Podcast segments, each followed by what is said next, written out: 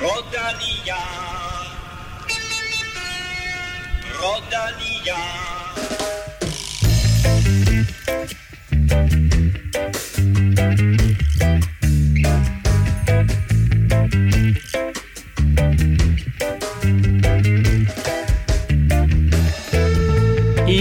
En Velropa podcast uden en dansk sejr. Jonas Vingegaard byttede sidste års anden plads i Criterium de Dauphiné ud med en suveræn samlet sejr og endda to etappesejre.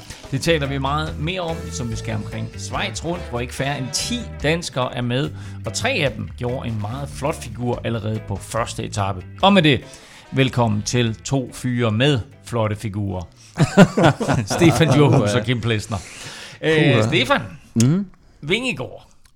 Altså, vanvittigt imponerende kørt i Dauphiné. Er han stor favorit nu til at genvinde tursejren?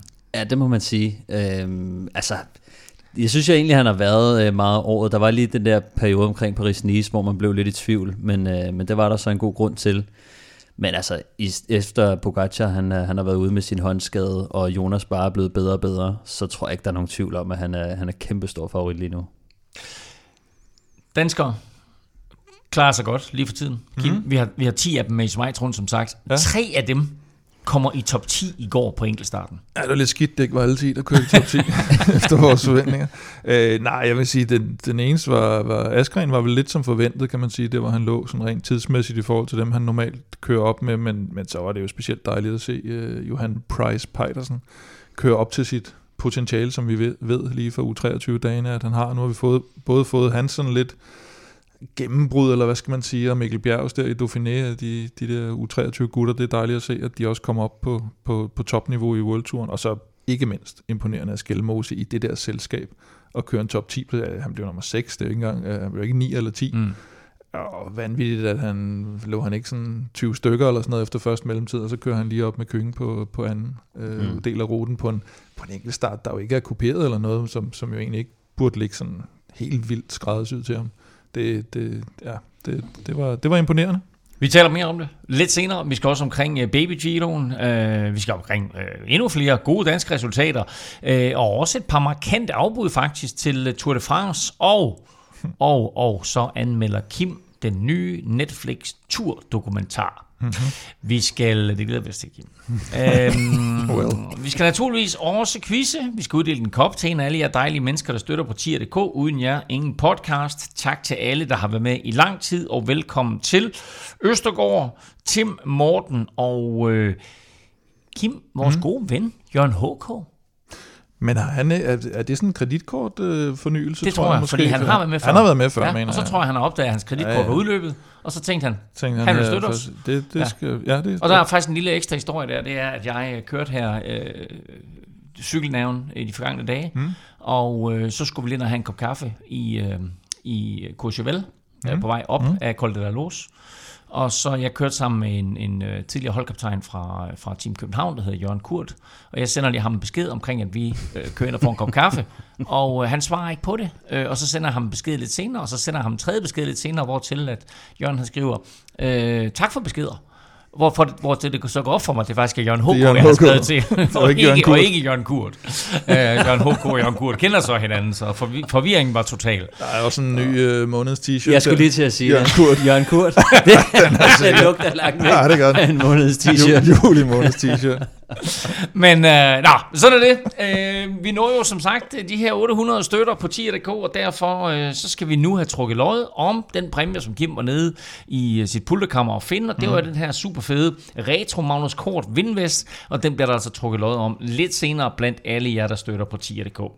Husk, du kan jo faktisk også støtte på en anden måde, nemlig med månedens t-shirt. Mm. Så øh, har du lyst, så gå ind på shoppen, og så kan du finde den her måneds øh, t-shirt, og det er jo øh, taget direkte ud af Gio-sammenhæng, hvor, hvem var det, der sagde det? Øh, Sebastian Bewley? Nej, hvad var det, han hed? Sebastian Berwick. Berwick, Berwick ja, det er rigtigt. Det var Berwick. sportsdirektøren. I'm not doing... Du øh, finder selvfølgelig shoppen på velropa.dk. Mit navn er Claus Elming, og du lytter til Velropa Podcast. Inden vi skal tale Dauphiné og en fornem dansk uge, så lad os vende blikket mod Schweiz, hvor Schweiz rundt søndag blev skudt i gang med en enkelt start, og det blev til en meget populær hjemmebanesejr til Stefan Køng. Øh, og selvom det ikke blev til dansk sejr, Kim, så var vi lige lidt inde på det, at mm. vi har altså i Danmark lige nu øh, nogle helt unikke, en helt unik generation af tempomaskiner. Ja, og, og så kan man sige, inden den enkelte start, hvis man så på, på papiret på de danskere, der var med i Schweiz rundt, så var det jo lige før, man havde størst forventninger til Søren Krav. Så, mm. som, altså, hvis man ja, ser sådan 12, hvad var den, 12,7 eller 12,3 km enkeltstart, sådan lidt, lidt halvfladt, ikke, som han lige kunne, kunne fyre en af, men, øh, men han er så i en, en, en, en opbygningsfase. Men så kommer Johan Preis lige og, og, og fyrer en femmer af, øh, og, og det, han er blevet 17 og 37 i Romandiet på, på de to tidskørsler der, så det er jo med afstand de, de bedste resultater, han har lavet i år. Han kommer jo herfra, vi talte lidt om det før, med, med U23, vandt jo både U23 EM og VM i 2021. Mm. Så, øh, så nu begynder det at, at rulle, og har jo øh, den gode, øh, hvad hedder han, øh, hvad hedder han, øh, Martin Toft Madsen der, som, øh, som, som konsulent øh, og til, til setupet der, så jeg mødte det... ham jo lige faktisk øh, på vej på arbejde her forleden, mødte jeg lige Martin Toft, og jeg spurgte ham øh, lidt ind til, til setupet, og øh, hvordan det, det gik for dem, og han, øh, altså først så øh, var han konsulent, nu er det faktisk hans, øh, det, hans fuldtidsarbejde, mm. Og, øh, og han, han tager jo med og tracker jo øh, alle deres, øh, kan man sige, alle deres tider. Øh, så, så han er ligesom den, der snakker og, med og, bare, og det er Bahrain Victorious. Det er på Bahrain mm. Victorious, øh, og det har vi jo sagt før, sagt før, ikke? At, at Martin Toft, øh, dansk mester i engelsk, har tre gange, øh, og super nørdet med alt, der hedder aerodynamik, som, som hjælper dem på, på Bahrain, og øh, Johan Prise er jo en af de sjove øh, typer for ham at, at arbejde sammen med, fordi han er også så passioneret omkring enkeltstart. Det, som jeg synes, der er vildt mærkeligt med Johan Prise, det er, at han går ned og laver sådan et resultat her. Han går ned og bliver femmer i Schweiz rundt, og så Altså, når, han laver ikke noget andet. Altså, sådan, mm. han har ikke noget resultat, når han kører hjemme i Amager, øh, eller ikke, han kørte cykel på Amager, hvor jeg var ude og kigge på det, der altså, sidder han i udbrud og bliver sat, og øh, når han kører Fyn rundt og sådan nogle andre danske løb, så har han ingen, så har han ingen vejen. Altså, mm. Og så kan han gå ned og lave sådan en her, hvor han kører op, altså han kører hurtigere end Sobrero, Bisek og Askren på en enkelt start. Bare sådan nogle sindssygt topnavn, så der er et eller andet i ham. Der er et eller andet sindssygt gear i ham, men, men han har altså ikke helt fået strikket det sammen endnu i, i cykelløb, og det bliver rigtig vigtigt for ham, fordi han er i et kontraktår, så mm. det er mm. rigtig vigtigt, at han får et resultat ind, men han skal også begynde at vise, at han også kan, altså det kan, det kan blive til lidt mere. Det kan være, at han skal ud og de her lange morgenudbrud, som Norsgaard han øh, begynder ja, at gøre jo, til sin. og Norsgaard han blev jo været nummer 50 eller et eller andet på den ja. her enkelte start, ikke? som dansk mester, så, så han øh, underpræsterer også en lille smule i forhold til, til de andre gutter. Men altså, det er selvfølgelig ikke meget, vi har talt om Johan Price Petersen i, i, igennem årene, bortset fra de her flotte resultater, han havde i enkeltstart som, øh, som U23, eller i U23-rækkerne. Øh, nu, så, nu så vi Mikkel Bjerg vinde øh, sin første World Tour sejr, og vel at mærke en enkeltstart. Mm som vi også har ventet på et stykke tid, og det her gennembrud, vi har ventet på et stykke tid, kræver det noget, ligesom, hvad skal vi sige, at få voksne muskler, altså for at kunne klare, når man så for at kunne klare sig blandt de her tempomaskiner, som trods alt har noget erfaring. Altså, Remco er selvfølgelig et unikum og sådan noget, ja, ja. ikke? men altså, du ved, at komme op og kunne klare sig med sådan som gerne er, og nogle af de andre store kanoner, Stefan Køen.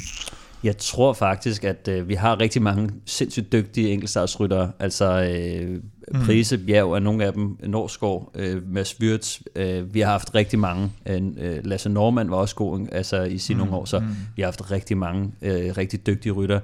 Det, det, som jeg tror, der er udfordringen, når de kommer op på, kan man sige, i, i voksenklassen, det er, at der er nogen, der bare er stærkere og bedre og bedre udstyr og så videre og de skal lære ligesom at kunne noget andet, end at køre enkeltstart også. Mm. Øh, og det kan man se Mikkel Bjerg, han kører jo sindssygt godt, øh, hvad blev en sekser igen, Wevelgem.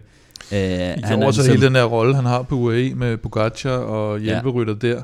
Det afhænger jo sindssygt meget, som du siger, af, hvad er det, de så udvikler sig til, når de kommer derop? Hvad for en rytter øh, bliver han, og Mikkel Bjerg har jo mm. fået den der niche, eller hvad skal man sige, ikke? ligesom at Mørkøv troede jo heller ikke, at han skulle være verdens bedste leader ja. da han kom op, Lars Bak startede som en eller anden rytter, og, og transformerede sig så til en af verdens bedste hjælperytter. Så det er jo meget lidt, hvordan fanden tager deres karriere drejning, når mm. de tager skridtet op, fordi det er rigtigt nok, at, at, og det er faktisk en rigtig god ting, det her med, at vi har så mange øh, tempospecialister, for det er mange af der, man kigger på dem i ungdomsårene, fordi de har motoren, så kan Ja, du være præcis. sikker på, øh, hvorimod når du kigger på linjeløbene, det har vi også været inde på til et, et, et, et internationalt mesterskab, dem, der vinder linjeløbene, det kan være lidt mere held eller taktiske overvejelser, men enkeltstarten, når holdene kigger, så kigger de der, fordi at det er der motoren ligger. Øh, og, og det, Der er det kommer på et tidspunkt. approaches til det jo, men, men det er helt rigtigt, som du siger, at man har det med at, at, bygge, altså at, at mere se fysikken nu, mm. og så håbe på, at man kan lægge øh, cykelforståelsen og taktikken oveni, hvor at øh, sådan noget som for eksempel Quickstep har været mere kendt for at være sådan, vi skal have kloge cykelryttere, mm. og så bare nogle af dem er stærke, så skal vi nok få. Ja. det til at fungere, men, men i moderne cykling, specielt i forhold til Grand Tours og sådan noget, der begynder man at kigge meget på fysikken først, og så håber man, at man kan lære dem, hvordan man øh, kører Og så udvikler det sig bare i alle Vi kan jo se sådan en som Lennart Kemner. Altså mm. han startede også som enkeltstartsrytter. Så vil han lige pludselig nærmest ikke cykle. Ja. Og så blev han udbrudskongen, og nu vil han være klassementsrytter. Ja. Så det, det, Tom det, Dumoulin. det switcher... Ja, det er Og, også og man kan en- se, og altså Geraint Thomas, han har også kørt både klassikere og, øh, og, hvad hedder bane. Han, og Wiggins også, ikke? Altså bane og øh, Grand Tour og, og klassikere og sådan noget, ikke? Men, øhm, men jo, Og, altså, og, det, og en, en anden stor motor, øh, som, som vinder for lidt, men som vi ved bare kan, kan trampe hårdt i pedalerne, det er Stefan Køng. Mm. Øh, og det var jo vanvittigt populært, at han kommer ja, ind og var- slår Remco, slår Wout van Aert, ja. øh, slår alle de andre. Øh, så en, en meget populær hjemmesejr til ham. Man kan sige, at måske møder han dem også på et godt tidspunkt lige nu. Remco kommer tilbage fra, fra, fra noget øh, covid. Wout er måske noget opbygningsfase til turen, men de er stadigvæk deroppe, og de er stadigvæk nu. Og hvis man så den måde, han kørte på, Køng på den her enkeltstart, det var altså teknisk og aerodynamisk, og det hele sad bare lige i skabet, og han Mm. mm. vandt også en, en sådan relativt øh, fornuftig sejr, synes jeg, øh, og, og det var virkelig, virkelig flot øh, tidskørsel, en af de bedste, jeg har set ham køre, også på hjemmebane, selvfølgelig, så ja, fan, det, jeg synes, var man, der. man, man kunne godt undre ham den her, altså ja. Ja. nu, og, og jeg synes, øh, hvornår var det senest, vi så ham øh, nærmest øh, sidde og øh, nærmest ikke at græde, men, øh, men over, at han, nok altså i det er Giroen, så meget lige ved at næsten, altså, øh, Var det ham, der tabte med et sekund til... Nej, det var det vel ikke. Ja, I, altså- I Remco i, i Giroen måske. Øhm, ikke, ikke Giroen faktisk. Men, men altså, jeg synes bare, det, det er blevet den her historie med, at, at Stefan Kyng, han altid lige misser. altså, Præcis, så, så, man kan godt virkelig undre ham med den der sejr på, på, på hjemmebane her. Og så lad os lige runde Askren.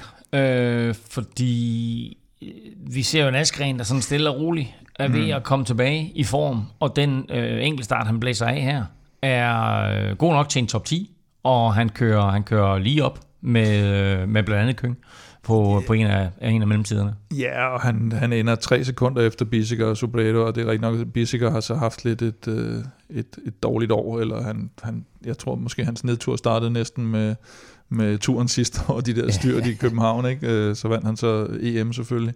Men øh, det er som om, han har misset lidt øh, Bissiger. Øh, Sobredo er også blevet sådan lidt mere hurtig i afslutningerne, har måske lagt, lagt lidt væk fra tempoet der.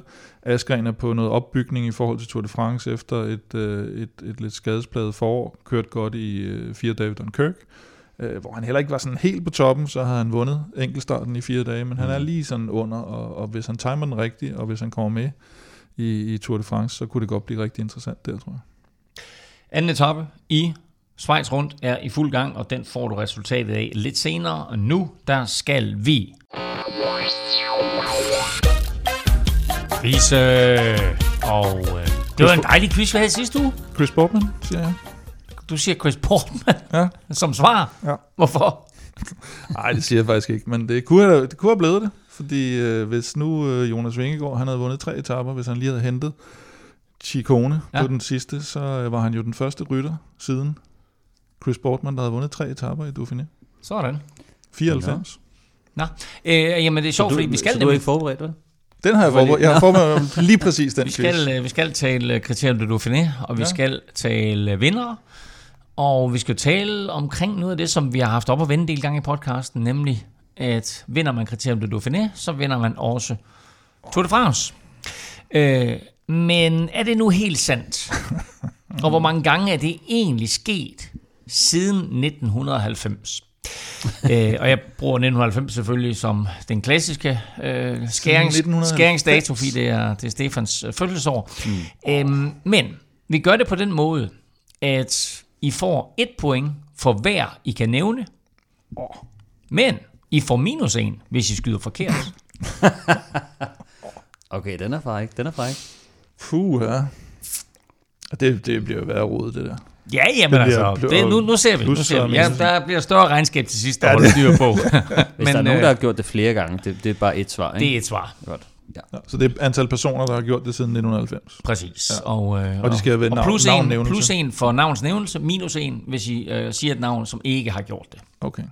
Og det er på listebasis. Jeg skal lige bare lige hurtigt, jeg skal, man skal spørge. øhm, hvis nu, at personen er blevet slettet fra... Okay, ja, jamen, det er et godt spørgsmål. Ja. Ja. Lance Armstrong tæller ikke med. Nej. Okay, Godt. Så det var et godt spørgsmål. Han har nemlig gjort det, men øh, han tæller ikke med.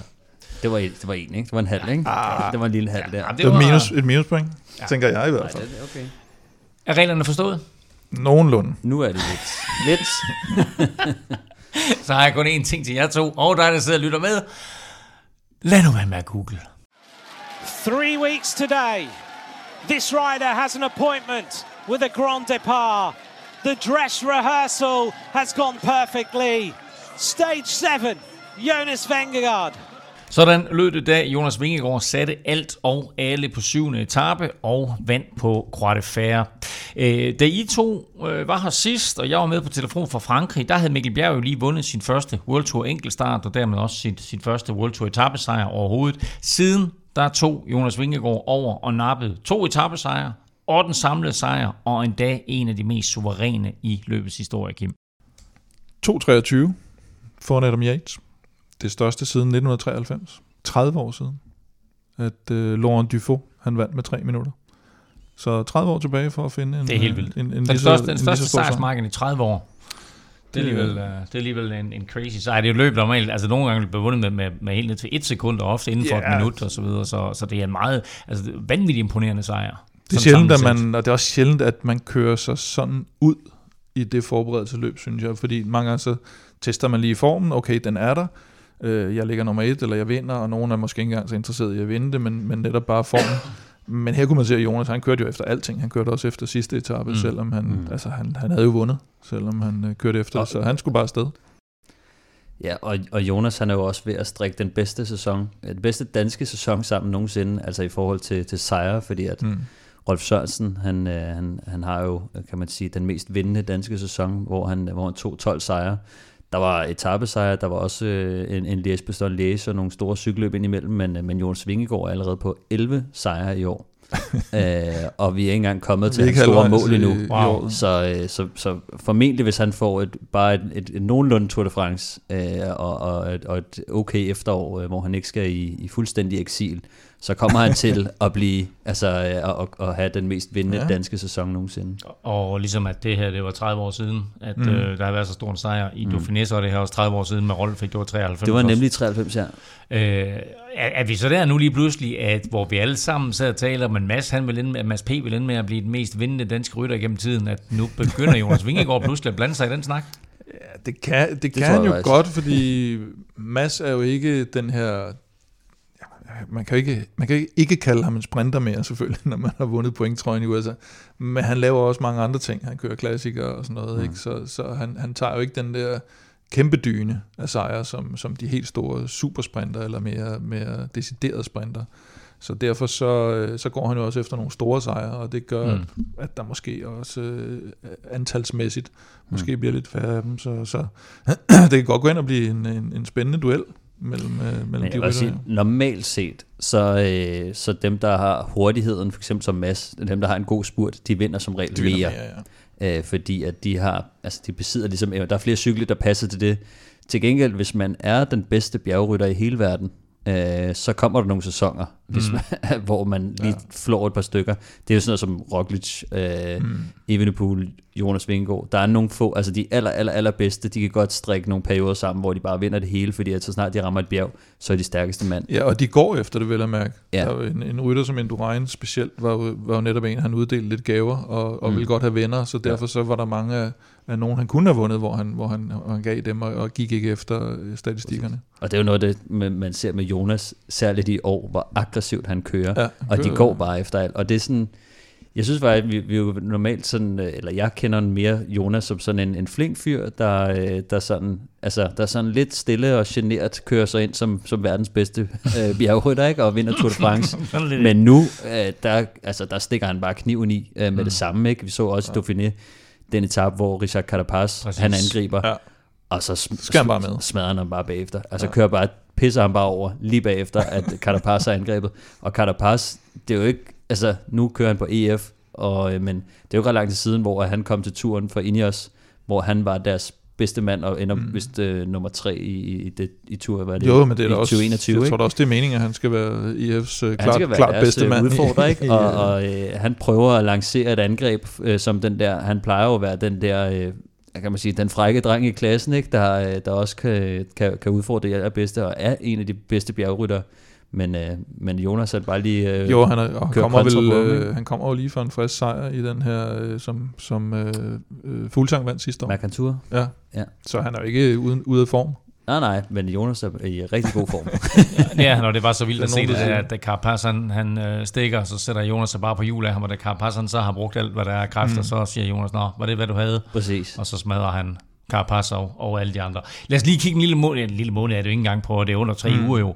Øh, der begynder Tour de France, hvilket også er crazy. Øh,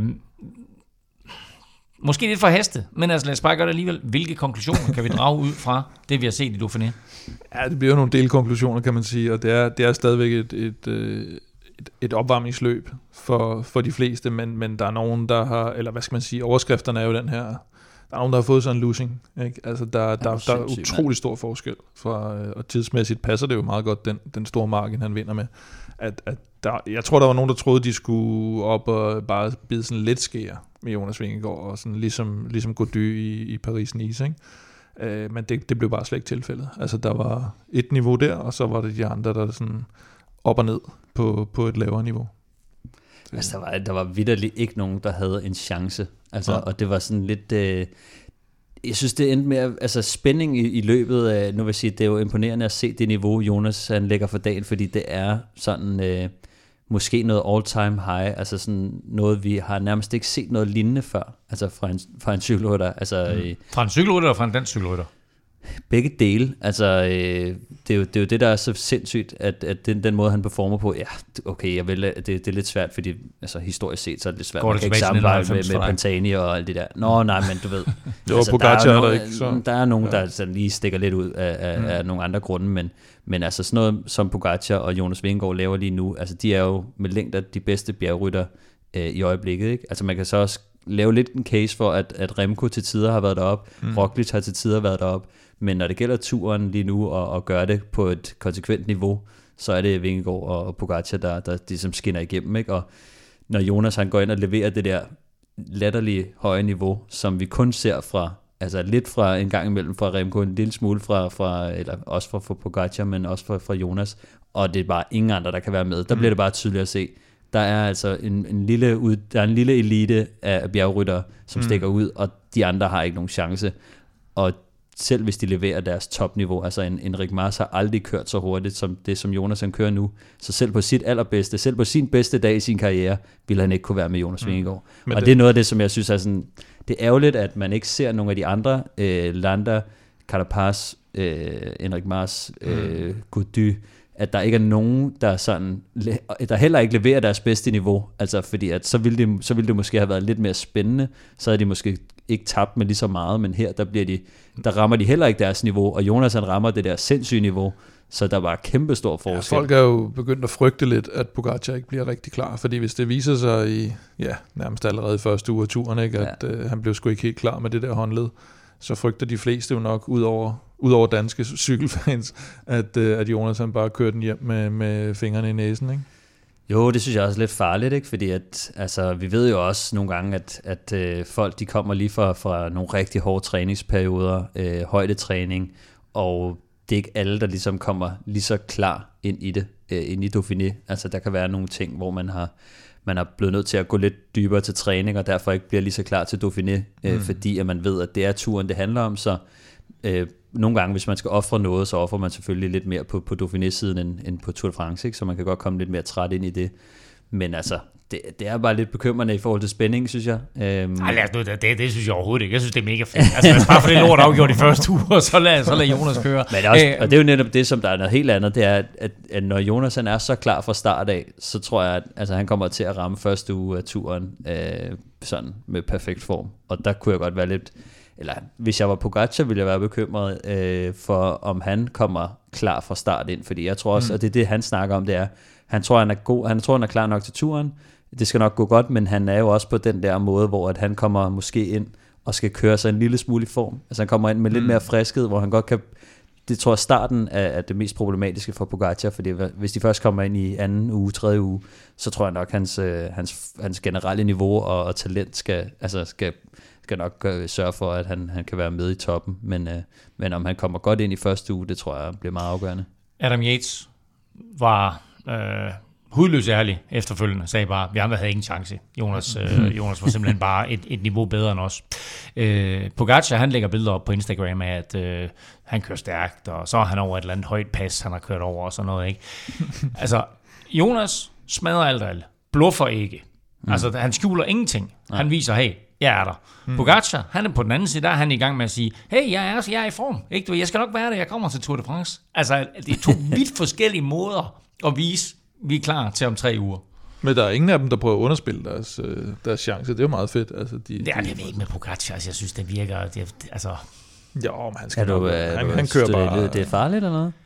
Nej, jo, altså, jeg synes faktisk, jeg synes måske, det er, en del, det er lidt farligt, at Jonas han er så overlegen. Altså, fordi sidste år, ja, han blevet nummer to for i år, men det var stadigvæk sådan lidt, han kom sådan lidt ind, lidt underspillet, og det var stadigvæk der var lidt kaptajn, og så kom han ind sådan lidt fra baghjul, og ender med at vinde det hele, fordi selvfølgelig han har de der to store sejre på, på Takam og på, øh, på øh, ikke Glandon, hvad hed den? Granon. Granon, ja.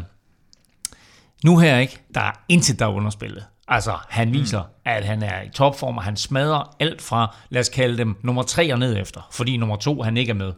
Mm. Øh, og nummer to, han ligger i mellemtiden, og sådan og viser, at jeg er ved at køre mig selv i form, og der er ikke nogen ballade med mit håndled, og så videre. Ja, det er lidt, det, det, det, er lidt, altså, ja, det er, du- at, at Jeg, jeg, også- jeg, har også, jeg har tænkt også på det faktisk lidt som, at du ved, nu så vi øh, Pogacar, der har trænet med, med rygsæk på at løbe op og ned ad trapper og, og stået og lavet alle de der øvelser. Jeg fik også sådan, ligesom, der var også nogen, der skrev på Twitter faktisk noget med det, jeg skrev. Der var sådan lidt Rocky over Det- den måde, det han Rocky, ja. forberedte sig på, hvor et, man også ser på, på Jonas Vingegaard, nu kan jeg ikke huske alle de Rocky-film, der har været, men den der med, med ham med den høje, lyshårede maskine, der Dolph var... Lundgren. Hvad? Det er Dolph Lundgren, ja. øh, der hvor han bare, altså det hele Drago. spiller bare, ikke? Ja, præcis. Det er, sådan, det, det er sådan lidt, jeg ser Jonas Vingegaard. Det er bare sådan ja. maskinen, hvor alt bare kører. Øhm, og så Pogacar, der sådan lægger nogle sjove billeder op, og øh, kører sådan lidt noget, noget mærkelig træning, ikke? Og, og kommer ind med et brækket håndled og sådan noget, hvor det sådan, lad os nu se, hvor godt det går. Men altså, En stor heldig historie, hvis han øh, klarer det, Pogacar. Ja, måske, der, altså, måske derfor, så sidder vi som danskere jo er fuldstændig øh, ekset over, at, at det går så godt for Jonas Vingegaard, han er så skarp, og Det er der er det, en vis jeg synes- sandsynlighed for, at han vinder Tour de France, og så holder alle andre i hele verden, de holder med på gang. Så det, det, det, er, det er, pludselig er han blevet underdoggen. Jamen prøv at tænke på det. præcis. Ja, men jeg vil, jeg vil sige, at jeg tror også, at de fleste danskere faktisk håber, at vi får duellen. Altså lidt ligesom man håbede, man fik duellen mellem Ja, Renko og ja, Roglic ja, i ja. Giroen. Det gjorde vi så ikke af helt andre årsager. Så håber man, at, at Pogacar kan stille noget op, så vi får den der duel. Så han vinder. Hvis Jonas skal vinde, så skal han vinde øh, ærligt. Og, han må Over godt lige komme i gult, og så kan Jonas lige flå den af ham bagefter. og så bare tvære Ligesom ham ud sidste på år. resten af, af turen, ikke? Men, ja. Et par, et par andre observationer, øh, set med franske øjne, så havde de jo nok håbet på, at Da- David Gody, han skulle, øh, han skulle blande sig ja. I striden om at måske endda vinde Tour de France i år, efter sin flotte Paris-Nice. ja. Det, altså, han skal dele med godt nok køre sig i form her de næste tre uger, hvis han skal gøre noget som øh, helst. det har sgu ikke set godt ud. Han øh, DNF'ede alle øh, Ardenner-løbene, øh, eller i hele Ardenner-ugen DNF'ede han, og øh, ja, hvad bliver han, nogen af 30 her, eller et eller andet, ikke? Og han siger sig selv, jamen jeg har før kørt dårligt i Dauphiné og godt i turen. Så, så han er ikke sådan, han er ikke sådan selv helt, øh, øh, hvad skal man sige, synes han har tabt den, men jeg tror, Mark Madio, han sidder og, og, og tænker lidt over sagerne. Og, øh, og jeg ved ikke, om der, der kan være et eller andet... Altså, det virker næsten for voldsomt, det her med en... at det må næsten være noget, noget allergi eller sygdom eller mentalt eller et eller andet, om han kan leve op til det pres, eller hvad fanden nu. Altså han smed, to, han smed to minutter på enkeltstarten. Ja, det, han smed jo endnu med et, et eller andet helt vanvittigt øh, øh, minutantal på, på sidste etape også. Så, så det ser ikke for godt ud, men det er rigtigt. Øh, Lander var lidt ude i noget af det samme og siger, jamen det føles egentlig okay, øh, men resultatsmæssigt kan jeg ikke bruge det til noget, men jeg skal nok være. Det, der synes, det jeg synes er problemet er, at tidligere på året har både Lander og Gody været ekstremt stabile i deres, øh, i deres placeringer. Mm-hmm. Topplaceringer hele vejen igennem. Og så lige pludselig så kommer det her, hvor de er helt off. Og det, der, der tror jeg, man som hold lige pludselig tænker sådan lidt, hmm, med mindre de har en eller anden øh, super god forklaring på noget højdetræningslejr eller et eller andet, der de er ikke gode til, når de kommer ned fra, eller hvad fanden det skal være. Øh, det er bare mærkeligt, at den der stabilitet lige pludselig er af, afløst af, af det modsatte. Jeg tror, at de franske rytter, de kommer til at stå i kø for den prikkede trøje der på et tidspunkt. Jeg tror, de kommer til at De starte. hører, de hører så, Pinot bliver ind. det, øh, så rører det lidt ud, og så bliver det sådan om noget, noget, noget, noget prikket, og måske noget top 10, ikke? og så, øh, Og så, så er man fransk en, held en alligevel. kombativ der, ikke? Altså, Ja. så man kan få en fransk mand på podiet. Hvornår er sidste gang en, der har vundet bjergtrøjen, både i Giroen og turen samme år? det kunne være I Giroen og turen? Ja, målsætning for Pinot. Kommer lige ja. ind for højre. ja, Det er, da, det er da ikke helt tosset. Øh, apropos franskmand, så var der trods alt en lille bitte små glædes over, nemlig at uh, Julian Alaphilippe, som vi jo talte om inden, Mm, mm, havde behov for en eller anden form for succesoplevelse, og nu er det ved at være på tide, at vi så ham igen. Han vinder en etape, og han bliver faktisk også to år på den der øh, første etappesejr af Jonas, hvor han kører fra alle de andre, der vinder Julian Alaphilippe øh, feltespurt, om man kan kalde det sådan.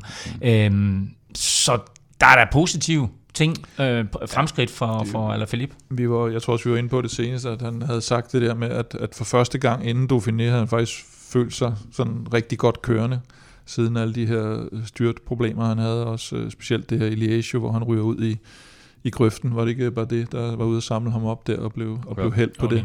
Øh, og der var, der var i hvert fald nogle, øh, nogle glimt af den gamle Alaphilippe øh, tilbage. Man kan så se, øh, specielt også på den sidste etape, hvor han sidder ude med, med Chicone, at der, kan- der kan han ikke helt være med endnu. Men opbygningsmæssigt ser det faktisk fornuftigt ud i forhold til en Tour de France, og nok ikke klassementsmæssigt, men, men en, der kan gå efter nogle af de her sådan lidt mellemetapper, måske allerede i, i starten af løbet. Der er jo Øh, nogle, altså de der tre baskerlandsetapper præcis. der, der er der nogle øh, sådan ret hæftige afslutninger. gul trøje der, Ja, ikke? præcis. Jamen, der er både noget, ja, han kan køre efter noget gul trøje, ja. men der er også altså, der er sådan nogle øh, poncheur-afslutninger, der kommer også nogle ret skrappe stigninger øh, lige inden mål på, på de første par etapper der, hvor det kun er de allerste, og, og de største sprinter bliver smidt. Så det er sådan noget, hvor, hvor han i hvert fald er i spil. Der er nok en Van der Poel, der også godt vil være lidt med til har jeg at, at lege med. han kører nogle lidt mindre løb de, de to første etaper uh, kunne meget vel uh, ligge til Alaphilippe, specielt hvis han nærmer sig uh, altså sit, sit topniveau. Ikke? Og Vi så, han havde hurtigheden på stregen. Altså, det var Mm. rimelig imponerende. Mm. Så er det et spørgsmål om, uh, for eksempel på anden etape skal de over den her Jais stigning der er 8 km lang. Og sådan, uh, altså, ikke, det, er ikke noget af det værste, men det, det vil være noget, hvor at vi har set Alaphilippe gøre det fint på, på den slags stigning, kunne være med toppen, men men den er også lige lang nok, hvis han ikke rammer sit, sit topniveau. Ikke? Så, men jeg tror helt klart, første etape bliver rigtig spændende i forhold til Alaphilippe. Øh, gul trøje, og, og, og måske endda også øh, anden etape for ham. Så jeg synes, det er rigtig fedt, fordi han er sådan en af de her typer, vi har, vi har manglet en lille smule. Øh, nu er det ikke, fordi Mm. han har været væk i, i meget lang tid, men det føles som om, han har været væk i lang tid, Mm. fordi at han er virkelig en, øh, en underholdende type, som også har været inde og puste lidt til den der øh, Van der Poel og, og Wout van Aert duel jo Ja, ja. øh, som Pogacar så har gjort, imens øh, eller Philippe har været væk, ikke? Øh, men, men virkelig en af de mest underholdende cykelrytter, der er derude. Et hold, vi kommer til at holde meget øje, holde, holde meget øje med øh, her de kommende par uger, det er selvfølgelig Uno X, og vi kommer også tilbage til, øh, til dit barometer, Kim, hvor det sådan, at du gennemgår øh, dan, øh, danskernes øh, procentmæssige chancer for at komme med i Tour de France, men hvis vi lige sådan, holder fokus på et par nordmænd, som jo også håber på at komme med i, i turen. Hvordan gjorde de det så her i, i Dauphiné, Stefan? Øh, jamen, vi havde jo en, øh, lidt en, en overraskelse, synes jeg, med Thorstein Træn, øh, som vi har, øh, vi har jo snakket lidt om ham og, og holdt øje med ham, men øh, han kommer jo igennem og bliver nummer, øh, nummer 8 i, i klassementet i Dauphiné. Øh, så han er en af de der typer, som jeg synes er virkelig spændende, og da jeg snakkede med, Øh, med Jonas Gregor, øh, som jo kører på hold med ham øh, for, for noget tid siden, så sagde han, at øh, Thorstein, han kører virkelig hurtigt i øjeblikket, så ham, ham skal vi måske lige øh, holde øje med, ikke? fordi jeg spurgte jo lidt ind til Tobias Johannesen også, og sådan noget, øh, og så siger han, at Thorstein, han kører rigtig, rigtig stærkt i øjeblikket, så Og er, er det sådan i forhold til klassementet?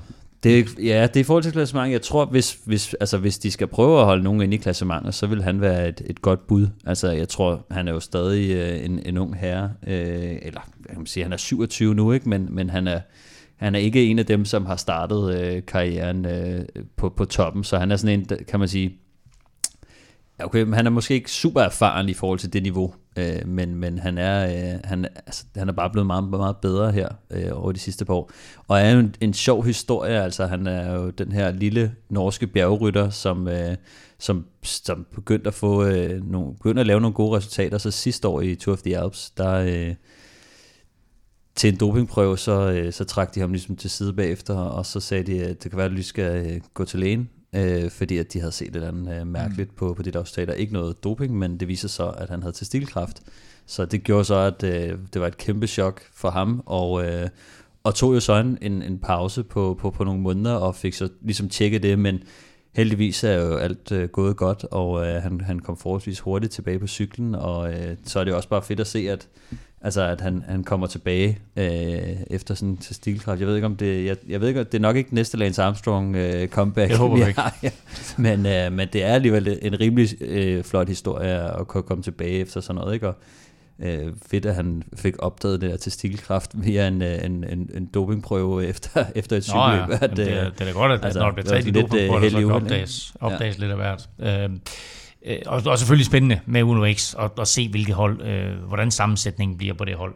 Øh, de otte mand, der bliver udtaget til, øh, til Tour de France. Øh, jeg lyttede jo meget interesseret til, til den podcast, I to I lavede sammen. Og mm. glædede mig jo sad faktisk i Frankrig og så Mikkel Bjerg vinde på fuldstændig fabelagtig vis øh, den enkelte start der. Og lad os lige vende øh, hans, hans øh, sejr, Stefan, fordi du har tjekket lidt op på både det tekniske setup, øh, som han kørte på, altså rent cykelmæssigt, men også hvad det eventuelt kan komme til at betyde for den ene enkeltstart, der er i turen, som mm. godt nok kun er på 22 km og ligger på, på 16. etape.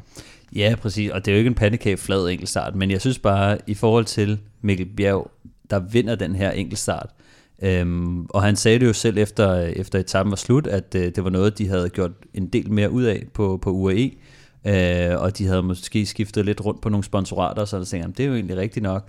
Og de har også fået en ny øh, enkeltstartscykel, øh, eller de lancerede den, kan, kan man sige, øh, sidste år faktisk, øh, fra Colnagos øh, nye enkeltstartscykel, hvor der er sket en hel del øh, i forhold til, til aerodynamik, og, øh, og det kan man godt se på, på cyklen, den er, den er meget anderledes end var førhen. Øh, noget af det, som man kan sige, man kan se mm, meget specifikt, er den måde, de, har, ligesom, de laver styret på. Forgaflen øh, er meget bred, øh, baggaflen øh, er også, kan man sige, helt sænket, så den ikke går op til... Øh, hvad hedder det, op, op mod sadlen, men, øh, men hæfter nærmest øh, inde på, på midten af sadelpinden, ikke?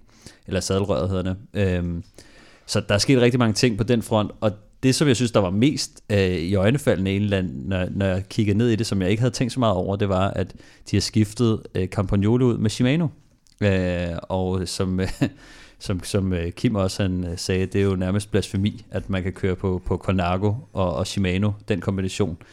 Der vil man jo normalt være, køre fuld Italiano, ikke? og køre Campa med, øh, med Colnago, men det er jo noget af det, som jeg tror, de har gjort, på grund af, at de kan se, at det der, altså det har mindre at gøre med gearingen, tror jeg, men mest at gøre med, at Campagnolo laver også de her Bora hjul, som de har kørt med i lang tid, og nu har øh, UAE skiftet til det mærke, der hedder Enve, som også er kendt som en af de mest aerodynamiske og hurtigste hjulsæt.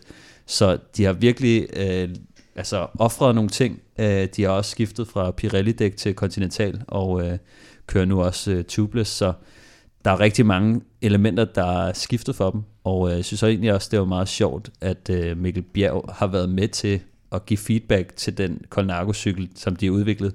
Øh, til, specielt kan man sige, Colnago har udviklet en ny cykel, som, som UE selvfølgelig er, er spydspids for, ikke? Og, øh, og det synes jeg bare, det var, en, det var ret, ret fedt at se, at nu er, er UAE også gået meget mere op i aerodynamikken, og har lyttet til, øh, kan man sige, sådan nogen som Mikkel Bjerg og andre øh, store rytter, at det, det kan altså godt betale sig at, at indarbejde det her. Det er ikke alle, der gør det. Og jeg synes bare, at det er meget sjovt at se, at UAE, imens UAE har, har eller mindst det hold havde UAE, det hed jo Lampra før, men de havde to øh, sejre på en enkelt start, som begge to var Pogacar i Tour de France øh, 2021 og 2020. Øh, det er deres eneste øh, sejr på hvor en sejr, vildt. de har. I år så har de så bare tre, og det er så øh, øh, Joan Ayuso i øh, Romandiet rundt. Det er øh, Mikkel Bjerg her i, i, i, Dauphiné, og det er... Jay Vine. Jay Vine har vandt det australske mesterskab helt tilbage i januar, og så tror jeg også, øh, jeg kan ikke huske, hvem den sidste er, men har vundet en, øh, en prolog øh, et eller andet sted. Men, øh, Ivo Oliveira. Præcis. Øh, og, øh, og det er lidt, altså det er lidt sigende, at, at resultaterne kommer altså også, hvis man, øh, hvis man investerer i det her. Og så fik det mig også til at tænke på, at vi jo kender jo lidt Jonas Vingegaard, som hvis vi ser ham op mod Pogacar, så vil vi tænke, at Jonas han er den bedre enkeltstartsrytter. Men det tror jeg faktisk ikke nødvendigvis er rigtigt. Men Jonas har kørt på, at det er bedre udstyr end i deres mm. matchups, så nu vil jeg se den duel som meget mere tæt, og måske endda en lille smule til Pogacars fordel, hvis at øh, Er Hvis han er i god er form, selvfølgelig. helt lige lige nu mellem, mellem Jumbo og UAE? Ja, det, Eller Way. den er Ja, meget Way mere, er Way har jo altid været øh, gode til det, øh, særligt også med, med, med dragter og, og udstyr, ikke? Men, men nu hvor UAE har investeret så meget i det, det er svært at sige, hvem der har det bedste setup, men, øh, men det, det ser ud til at være meget lige, men umiddelbart lidt bedre til, til UAE's øh, fordel, som, som jeg ser det, men, men jeg har ikke, øh, jeg har ikke, det er lidt svært at, for mig at, at regne på, fordi jeg ikke har den data, som, som de har til Mm. rådighed selvfølgelig, men, øh, men det ser ud som om UAE er blevet rigtig hurtigt på enkeltstarterne. Det var øh, afrundingen på øh, et øh, Dauphiné, som jo altså var en stor dansk succes. Tre etappesejre blev det til, en til Mikkel Bjerg og to til Jonas Vingegaard. Jonas Vingegaard vinder altså samlet med den største sejrsmargin i 30 år. 2.23 ned til Adam Yates og 2.56 ned til Ben O'Connor på tredjepladsen. Nu skal vi til gengæld tale lidt om fremtidens talenter. Udover Jonas Vingegaards triumftog og Mikkel Bjergs øh, World Tour gennembrud i Dauphiné, øh, så har der selvfølgelig, fristes man til at sige, også været gode danske resultater andre steder. Ikke mindst, Kim, i fredsløbet for mm. 23-ryttere. Ja, der havde vi jo øh, ham her, Simon Dalby, som kører for Uno X Development, og som faktisk har, øh, har kontrakt også for, med, med Development i øh, 25, eller ikke med Development, dem har han kontrakt med til næste år, men 25-26 med, med seniorholdet i, øh, i Uno X, så det er en, de, de satser meget på, og man kan sige, at resultatmæssigt, der får han øh, endelig hul på bylden i det her fredsløbet, som er jo det her gamle, traditionelle østeuropæiske løb, øh, hvor han simpelthen vinder kongeetappen og øh, ender på en øh, samlet andenplads, andenplads i pointkonkurrencen, og han vinder ungdomskonkurrencen i et U23-løb. Jeg ved ikke helt, øh, jeg, jeg er ikke sikker på, hvor de sætter grænsen i øh, aldersmæssigt, men, øh, men han er i hvert fald 20 år gammel, så det er nok under 21 i hvert fald. Vi holder øje med, øh, med, med Dalby, helt sikkert flot resultat af ham i, i fredsløbet. Øh, og mens øh, i gåsøjne, de voksne, kører stærkt i øh, Dauphiné og Schweiz øh, i den her i den kommende uge, øh, så kæmper andre af fremtidens stjerner om hed og ære, og ikke mindst øh, ny opmærksomhed på landevejene i Italien, fordi her køres øh, Giro øh, Next Gen, eller som vi kalder det, Baby Giroen. Baby Giroen, klart. Den har haft lidt forskellige navne efterhånden, men, øh, men, og det her, det er jo et af de mere mundrette navne i hvert fald, i forhold til den der helt vanvittigt lange titel, det havde på et tidspunkt. Øh, jamen, de kører otte etapper. Det er jo sådan en, øh, en, en øh, mini Grand Tour, lidt ligesom øh, Tour de l'Avenir, hvor du kommer igennem et øh, øh i al, alskens terræn på, på en, en god uge. Starter med en enkeltstart i går, som blev vundet af ham her, den, den belgiske U23 europamester, og nummer to ved VM i enkeltstart, Alex Segard fra øh, Lotto Destinys udviklingshold, og øh, han vandt også, øh, hvad skal man sige, mini Lombardiet, Piccolo Lombardia Mm-hmm. øh, sidste år, så, så, Så han er en- al, altid i herre, og, og igen, nu talte vi om det her med dem, der har motoren i, i ungdomsrækker, han er en, der bliver holdt øje med ham her, han er, Endnu en ung belgier på vej. Han, han er allerede uh, signet til, til Lottos hold Ja. ja. også, lidt på samme måde, ikke? hvor han har kørt ja. på, på uh, U23-holdet og signet ja. Ja. for fremtiden på, på det voksenhold også. Og Baby Giroen her, når man sådan kigger historisk på det, så er det jo, altså vi kan godt tillade os at sige, at det er nogle rytter, som senere blev store stjerner, som har vundet det. Ja, det, i hvert fald de seneste år har der, eller de seneste tre års vinder, det er Leo Hader, øh, Juan, Juan, Juan. Juan, Juan Ayuso og øh, Tom Pitcock, hvis der er nogen, der kender ham. Og så øh, Lars og Sivakov har også vundet det her for nylig, og så er der også en jeg- amerikaner. kan det, Jeg mener sådan en amerikaner, der har vundet det. ja, Ja. har han også vundet øh, Dauphiné-turen faktisk i samme Nej, det år? tror jeg ikke, det tror jeg ikke. Men Joe Dombrowski har i Ja. hvert fald vundet Baby Giroen. Det er rigtigt, det er rigtigt. Og ellers så, man kan man sige, i årets udgave, der, der er det faktisk en nordmand, øh, som også har nogle rigtig gode talenter på vej. Øh, Johannes øh, Stavne Mittet, som vi også har talt om, som også kører for det her Jumbos udviklingshold. Han bliver altså 15 i Copy Bartali i år. Altså det er med, med, med de helt store drenge, og øh, har lige kørt, eller kørt det her Gran Camino, som, som Vingegaard vandt, og har også lige øh, kørt Tour of Norway. Og så har vi ham her, den amerikanske Luke Lamperti, eller Lamper, jeg ved faktisk ikke, hvordan fan man, øh, man udtaler ham. Lamperti. Fra Lamperti, fra Trinity Racing. Uh, han har vundet syv sejre siden marts. Jeg tror et par gange i hvert fald har det været foran en dansker, så de er ved at være sådan lidt trætte af ham. uh, og så synes jeg også, man skal nævne en italiener, der hedder Alessio Martinelli. Og han kører for Bardiani, altså Bardianis uh, pro-team. Og øh, han bliver syver i Giro dell'Apennino sidste år, øh, som bliver vundet af Luis Mein, han hedder Meinkes, ikke? Nu, Mindkiss Meinkis. er lige pludselig, Altså sådan ja, der. Ja, vi har alle sammen sagt Mindchess i, Ja. ja. i, i, i årvis, Ja. og så på hans, i hans karrieres efterår, så Ja. ja. fundet ud af, hvad han hedder. og han, øh, ja, Mein- han vinder foran øh, ham her, øh, Tesfastian fra øh, Trek, og øh, Geo Zimmermann, som jo vandt en etape i, øh, i Dauphiné. Så det var også nogle tunge drenge, han var op imod. Og, og hvis vi sådan lige øh, skruer de rød-hvide briller på, hvem, hvem har vi med af danskere med potentiale? Ja, måske mest ham her, Andreas Forlager, som vi har talt om et, et par gange tidligere, der jo allerede nu har fået kontrakt med, med, med Jaco, Jaco Alula fra med øh, næste sæson. Vi har øh, Kasper Andersen, der var stagiaire hos UAE sidste år, og øh, kører for det her Hagens Berman Action, som også øh, for eksempel Mikkel Bjerg kørte for, inden mm. Han blev, øh, blev professionel. Og så ikke mindst ham her, Joshua Gudnitz, som Stefan var inde på for Cole Quick, der vandt U23-udgaven af Esbjørn Frankfurt, hvor Søren Krav jo vandt øh, Mm. seniorernes udgave. Ja, jeg tror også, altså i forhold til den samlede øh, sejr, så ved jeg ikke, om vi har nogen danskere, der sådan lige ligger til, øh, til, til, til den, men øh, Anders Forlager er måske den, øh, kan man sige, jeg tænker mest på i forhold til, til det bjergerige terræn. Øh, de andre er nok mere gearet til at gå efter noget, øh, noget tager vi etappesejr, og det, og det er jo også kæmpestort, altså, så, så det var bare for lige at sige, at Mm. det, det, er, det er ikke så mange af dem, øh, der, der måske går efter det samlede klassement, men mere efter... Og så, og så er Alexander Vinokurov jo også med, skal vi også huske. Det er rigtigt. Ja. Øh, søn af... Junior. ja, det Nå, er Vinokurov. Han er ikke, øh, han er ikke, øh, han har ikke de største Så resultater. i Alexander så- søn hedder Alexander Vinokurov. Han har to sønner. Den ene hedder, jeg tror, Nikola øh, Vinokurov, Ja, og den anden hedder Alexander Vinokurov. Det, der jeg, undrer mig allermest, var, at det ikke er stadig på samme måde, men det er hans søn. Der er sådan, det udtales på samme måde. ja, det, er junior.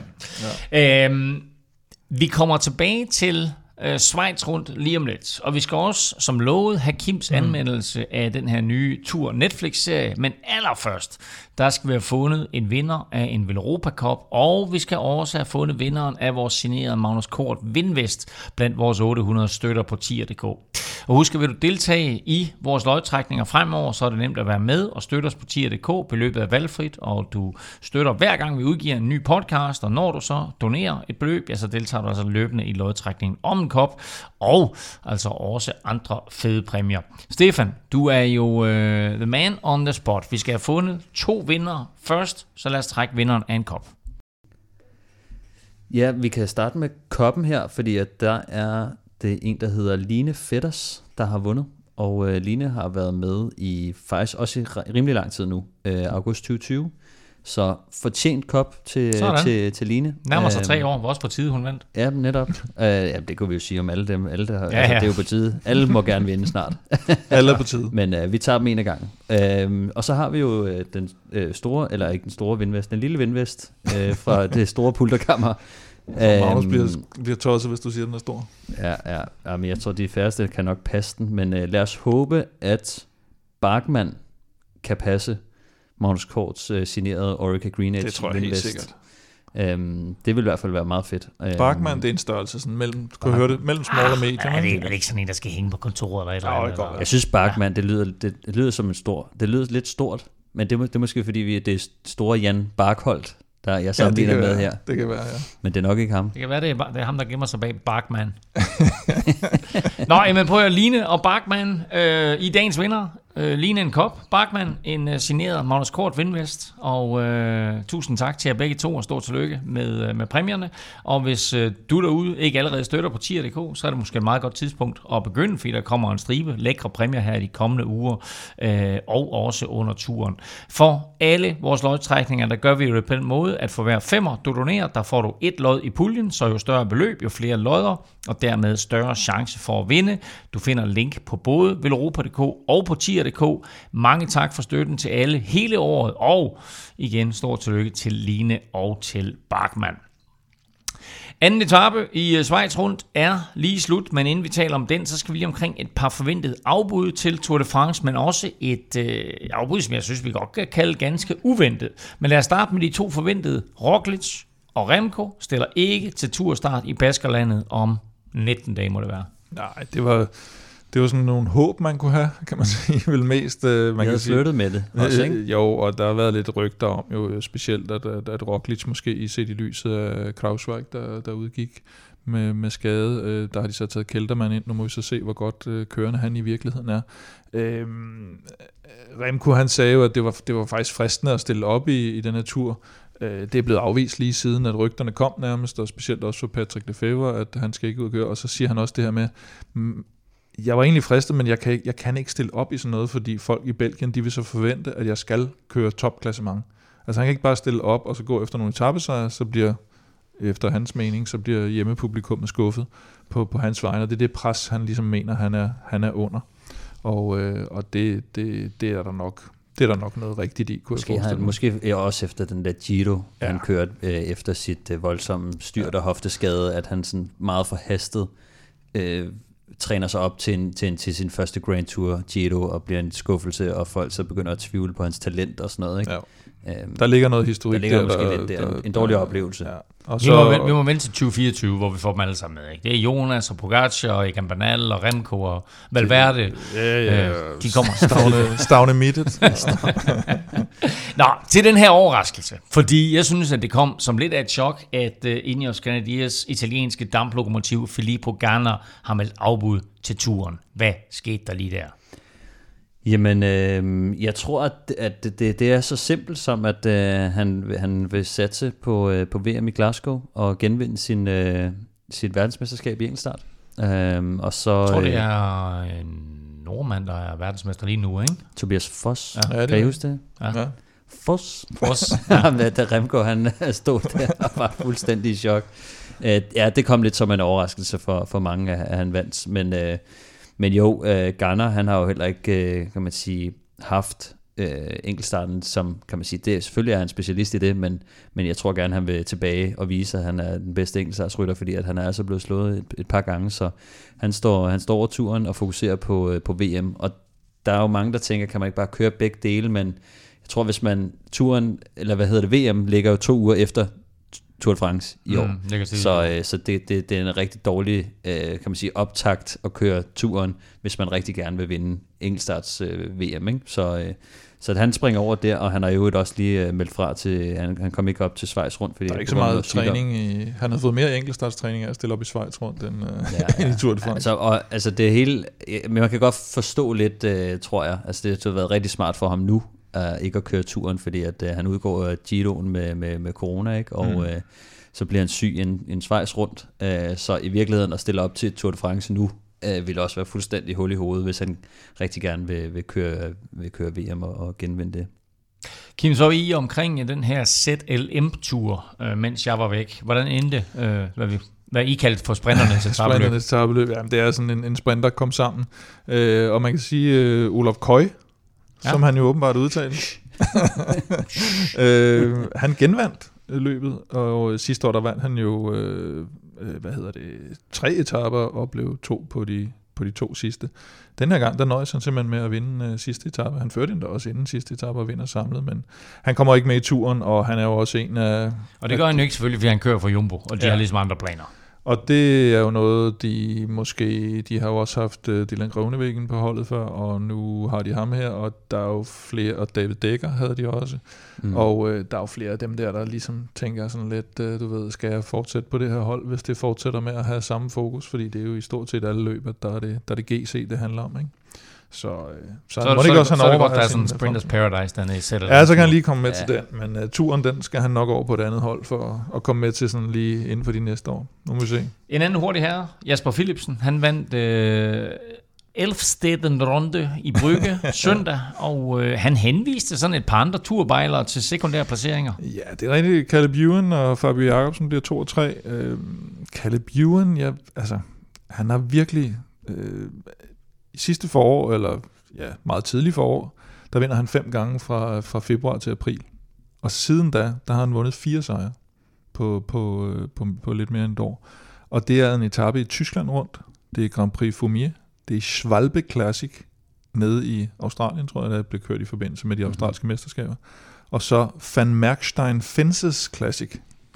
Alle heller, ikke, heller ikke verdens største. Det, det giver du ikke meget for. Det, det begynder altså at gå lidt ned ad bakke, synes jeg, øh, resultatmæssigt. Og i øvrigt så ham her, David Dekker, vi nævnte, der var skiftet fra, øh, han er jo hos Akira Samsic nu, og øh, kørte også med i Giroen, hvor han jo var en af dem, der blev taget ud af, af Mark Cavendish i, i den famøse spurt. Han, øh, han brækker næsen i det her løb, så han er også ved at være lidt træt af at, og, og, og være ved at komme på omgangshøjde, og så, og så lige pludselig blive Det er ligesom om, der, igen. der er kommet en ny øh, generation af, af, af rigtig hurtige unge her. Ja. Ja. Øh, til gengæld så, altså kan man sige, nogle af de gamle drenge her, de begynder måske, jeg synes Caleb Ewan, han har jo været tæt på at kan man sige, komme med hen over Poggio i Milan Sanremo. Ja. Ja. Altså han er, og han har siddet med i nogle ret sindssyge finaler og cykelløb, øh, hvor man tænker, hold da fest, det, det burde han jo ikke kunne som, som sprinter det her. Så han er begyndt at vise noget mere alsidighed, synes mm. jeg. Men hurtigheden er ligesom om, at den, ja. den, øh, den er i hvert fald ikke blevet, han er ikke blevet hurtigere. Der er lidt øh, mere pocket and rocket efterhånden, ikke? det, kan, det kan du sige, ja. Æh, og med det, øh, den lille finurlighed, Kim, så skal vi til noget endnu mere finurligt, nemlig den her anmeldelse, du har lovet øh, af den nye Netflix-dokumentar. Den øh, har jo på dansk fået titlen Med i feltet. Mm. Øh, Nå, det vidste jeg faktisk ikke, den hed. Nå. oh, Nej, men den har, øh, den, og den har jo lidt ligesom Movistar-dokumentaren. Den, den har bedre undertekster. Det er stadigvæk ikke helt godt. Nej, der, Altså, der, der er den, der men den har bedre undertekster Den har bedre end Movistar, men, men, men, der var et par øh, gange, hvor man lige sad og tænkte, ah, det var vist ikke helt. Nå, Altså, hold- den hold- hedder hold- Unchained på, på engelsk, ikke? Ja. Ja. Og så hedder den Med i feltet på dansk. ja, men jeg tror, den hedder... På fransk hedder den også et eller andet. Ja, med det hedder den feltet. du Peloton, ikke? Altså ja. hjertet af, af feltet, ikke? Så, det så egentlig- med i ja, feltet ja. giver egentlig god mening. Ja, der- Øhm, der er men hvad, synes du om den generelt? Ja, men jeg... Åh, Lort, lort. nej, det, det synes jeg... Jeg har set de to jeg- første afsnit. Jamen, de to første afsnit synes jeg faktisk er de bedste Ja. afsnit. Øh, og jeg synes, den er, den er fantastisk produceret, det er flotte billeder, og, og man får virkelig den der øh, dramatiske stemning, og, og et indblik i, tror jeg, især for folk uden for cykelsporten, sådan lidt, hvad, hvad handler det her om, hvor seje er de i virkeligheden, og mm. det her med, at det er en holdsport og en individuel sport, det, det forsøger den at forklare, og den er i høj grad lavet til det her publikum, tror jeg, uden for, for cykelsporten. Øh, og det, det er super fint, hvis den kan finde det her øh, nye publikum, og det tror jeg også har været en af, en af motivationerne for, Man, for man at kan jo gå helt tilbage til øh, Need for Speed, eller hvad hedder det? Drive, hvad hedder den? Drive ikke. to survive. Drive to Survive, ikke Need for Speed. Drive to Survive, præcis. Øh, som jo er... ud og de- køre med de skø. Ja, nej, men altså de her amerikanske ejere, ja, de nye amerikanske er ejere af, af Formel 1, Ja. øh, siger, Ja, okay, ja, ja. Vi, skal, vi, skal, vi skal lave et nyt publikum, fordi Ja, ja, ja. ja. den klassiske Formel 1-serie var ved at blive en gammel øh, gråhåret mand. Mm. Mhm. Øh, de vil gerne have nogle yngre øh, seere ind, de vil gerne have nogle, nogle yngre fans ind, og så laver de den her Drive to Survive, og det bliver en kæmpe succes. Mhm. Mm. Og den har jo sådan set lagt fundamentet for et hav af de her forskellige sportsdokumentarer, Det kan man også med golf, se, ja. også med tennis. Ja. Og nu mm. kommer øh, cykling, og det er jo den samme måde, det er bygget op på, at det er præcis som du siger, ikke? at nu skal vi forklare, hvad er det, det her det går ud på. Mm. Fordi der er nogle Og- ting, altså du ved, bare det der med, at de forklarer reglerne omkring, hvem det er, der har det Ja, ja, ja, udtøj ja, til sidst. præcis. Der tænker man, ah, okay. Nå, men også det her med, hvorfor skal han så... øh, Der er blandt andet øh, be- beskæftiget sig jo meget med det her forhold mellem øh, Wout van Aert og Jonas Vingegaard lige fra de første etapper, hvor han sådan lidt kører fra ham, hvor han kigger tilbage og kunne, måske, kunne mm. måske have ventet. Det sidder de også og diskuterer. Hvor, øh, hvor, øh, hvor, og, og jeg synes faktisk, man ser, det er en af de positive ting, man ser lidt den der den der his, historiske udvikling, kan man vel godt kalde det, selvom det kun er et år siden, øh, mellem Wout van Aert og, og Jonas Vingegaard, hvor det starter sådan lidt med, ikke konflikt, men vi, vi kan jo godt huske alle de her ting med, at øh, han måske kørte lidt, lidt fra Jonas i starten og, og kørte efter sine egne chancer, hvor det så udvikler sig hen over, hen over turen, og, øh, og, og, og til sidst så vinder, finder Wout van Aert på en eller anden måde ud af, at hvis jeg hjælper Jonas, så hjælper Jonas mig, så Mm. får vi faktisk noget ud af det her. Og det, det, der, der tror jeg, de står stærkere nu, og efter Mm. turen sidste år, og gående ind i den tur, vi kommer til, end, end de gjorde fra starten sidste år, hvor der var lidt mange agendaer, ikke? og Roglic var også i spil og sådan noget. Mm. Så, Og så det ser man allerede også i de to første Ja, ja. Der, episoder. Der, øh, er det anden episode, der er den her øh, Arnberg Skovs øh. Fadæs øh, cykelskifte, og det er også, altså, hvor man virkelig ser, ja, det er hvor faktisk måske endda episode de- 3, tror jeg. Jeg hvor fuck de ja. synes, det er inde Ja, ja, ja. i Jumbo-bilen, ikke? og det, det er også en af de, de fede ting, man ser det der. Der er, der er en ting, der undrer mig. Øh, og det, altså, der er sådan lidt en fortæller. Det er sådan lidt øh, cykling for dummies, det her. ja. øh, hvem er ham fortælleren? Øh, ikke andet, det er en gammel AG2R-rytter, tror jeg, Steve Chanel, tror jeg han hedder, og øh, jeg tror, han er taget med på grund af, at han er sådan god til at formidle måske, eller de franskmændene synes, han er en god formidler. Det virker lidt underligt, at det er ham, der sidder og fortæller om de her ting, når han ikke selv sådan har været en større del af, nu så vi jo den her øh, Greg Lemon-film, hvor Det det var øh, Delgado, der sådan lidt var Det er hovedfortælleren, ikke? og han var jo sådan lidt tættere på det, og det kunne måske godt have klædt den lidt at have det, men jeg synes, at han får jo også den her rolle, der skal fortælle de her, der ikke ved så meget om cykelsport, Mm. så på den måde, for mig at se, spiller det ikke den helt store rolle, men Ja, David Miller også, ikke? jo, det er Øh, meget, som meget sådan lidt, lidt en fortællertype. øh, og Orla der fra GCN er Ja. også med og sådan noget. Øh, jeg synes, at, at den største svaghed er nok, at det her UAE har jo ikke valgt at, at deltage i, i filmen, så, så der er stort set ikke noget med Pogacar. Man kunne godt have fået den der duel med Jonas og ham på en, på en anderledes måde, hvis man havde kunne høre fra, fra begge parter. Det der handshake er ikke med, hvor Pogacar har været styrtet og sådan noget. Så mm. den fortælling bliver gjort anderledes, end den måske var i virkeligheden, for at måske lave noget, noget mere drama. Øh, EF er med i filmen til gengæld, og der ser man meget det her med, Bissiger, han skal vinde i København. Det kikser. Det- Paulus, det ja, Paulus skal i udbrud. var- Det kikser. Øh, Bob Jungels vinder i stedet for. Der har man så hele øh, AG2R-delen af den. Men man får ikke den positive historie med Magnus Kort og hans øh, bjergetrøje og alt det der, som EF jo Mm. vandt meget på. Ja. Den kommer ikke, for den Det- ville jo have været, det ville være en super fortælling, ikke? Kikset her, kikset her, men vinder der ved, ved Kort i stedet for, ikke? Så der er nogle ting, man sådan tænker lidt... Øh... Men jeg vil sige, øh, de to første afsnit, synes jeg er de bedste, så begynder den at fade lidt ud. Meget fedt, at man ser nogle af de her rytter, sådan lidt Jasper Philipsen, ser man sådan lidt personligt, sådan, hvad er han for en type, sådan Mm. lidt glemsom type, sådan lidt tjuske dorte, som øh, sådan ikke lige kan huske og det, det er de lidt irriteret over på holdet, men, men super god øh, Hvem, rytter. hvem sagde du det var? Jasper Philipsen. Okay. Men, ja, Øh, ja, men en terning, terningkast 4 vil jeg give den. En fire ud af Ja, Ud af 6. Ja. Jeg havde, nu har jeg faktisk ikke set dem alle sammen. Jeg tror, jeg har set de første fire. Øh, og øh, indtil videre, så er jeg også sådan lidt... Jeg er lidt på den der med, at jeg tror ikke, at jeg er målgruppen, fordi at jeg interesserer mig for meget mm. for cykling. Så jeg, altså sådan, jeg tror, jeg... Øh, det bliver lidt for simpelt for mig, ja. Ja. mange af de ting, der er med. Til gengæld så, altså jeg kunne godt lide at se de der Drive to Survive, eller hvad var det, du kaldte den? For? Need for Speed. det kan jeg jo godt lide, fordi jeg er, ja. så lidt, jeg er ikke så meget inde i Formel 1 for eksempel. Præcis. Men, øh, med, så jeg tror, at det er rigtigt, at det er for lidt bredere publikum. For at skabe et Men nyt publikum. jeg synes, der er stadig nogle ting, som er meget fedt, fordi det er ikke altid, man får lov at se så meget inden for, for bussen og for bilen. Ja. Øh, så der er selvfølgelig nogle elementer, som jeg også synes er, er mega spændende, men måske lidt for meget sådan noget rugbrøds øh, fortælling, eller sådan, ja. du ved, hvad, hvad går det ud på, og sådan noget, hvor man har sådan, giv mig nu bare, altså, og, og så, så mm. rigtig mange ting, som virker det til, der er også udladt, ikke? Altså, øhm, Jo. som jeg også, når jeg sidder og ser bare de første fire etaper, er sådan lidt, der skete jo også det her, altså sådan, eller så ved, hvor, hvorfor Jo, man ikke kan heller ikke tage på det. De vil jo meget gerne have det der historieopbygning, ikke? At, de, at de netop har øh, den etape med, med Nelson Paulus og, og Bobby Jungels, hvor de så har, de har både AG2 og EF med i, øh, i filmen, eller dem har de Mm. fået aftaler med, at de går op med dem, så kan de bygge dem op mod hinanden, at de går i udbrud sammen, den ene vinder, den anden taber. Mm. Så den historie kan de så lave der, ikke? Jasper Philipsen er noget af det samme med Fabio Jacobsen.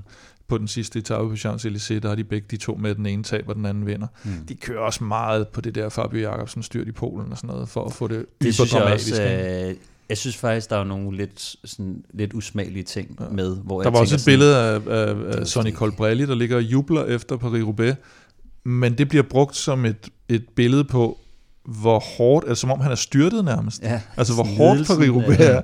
Og han ligger og jubler efter, han er kommet i mål inde på velodromen. Og det er sådan helt off, for det er ikke noget med Tour de France at gøre. Nej, nej. Så Jeg synes også, den der, den der er historie der sådan med Polen rundt og, og Kronevæggen og Fabio, den var, øh, der var unødvendigt. Også Ja. fordi Fabio, han sådan lidt igen, lig, ligesom efter, at, at øh, vi er forbi det der, og, og, Ja. og, der skulle være lagt is på den strid, så det ligesom, om, så bliver, den, så bliver der pustet lidt til ilden igen, fordi Fabio, han lidt sviner kronevæggen ja. øh, mellem linjerne, og det synes jeg var sådan lidt, det, det hørte ikke hjemme i den der dokumentar, det var der ikke, det var der ikke nogen grund til. Men det er otte afsnit øh, dokumentar, ja. du har set dem alle sammen, Kim, Ja. og, øh, og du gav den 4 ud af 6. Ja. Sådan. Øhm, vi skal videre, fordi vi har et hængeparti, der hedder Schweiz rundt. Anden etape er som sagt slut, og det blev øh, en meget flot og mm. lidt overraskende sejr, vil jeg sige, til Biniam Girmay. Øh, og heldigvis for ham, så var der jo kun blomster, og ikke bobler på scenen i Schweiz. Det plejer at gå galt for ham. Ja, jeg så, han skulle råde ud af, af, Tour de France. Men en, en, øh, en, en vild spurt, Stefan, hvor apropos Wout van Aert, så mm. jeg har jo lagt mærke til, at der er mange, der kalder ham Wout. Wout? Det gør de. Ja, det er franskmændene. Er det franskmændene? Ja, tror, Wout? Nå, Wout, ja. altså, no. Anyway, Wout van Aert, la- er Wout ligesom van Aert, han i tror, han er Mads P. Han tror, han er Mads P, og så øh, går han i gang med at spurte sådan 300-400 meter fra mål, og det udnytter Benjamin Gamay og, og øh, cykler stille og roligt forbi.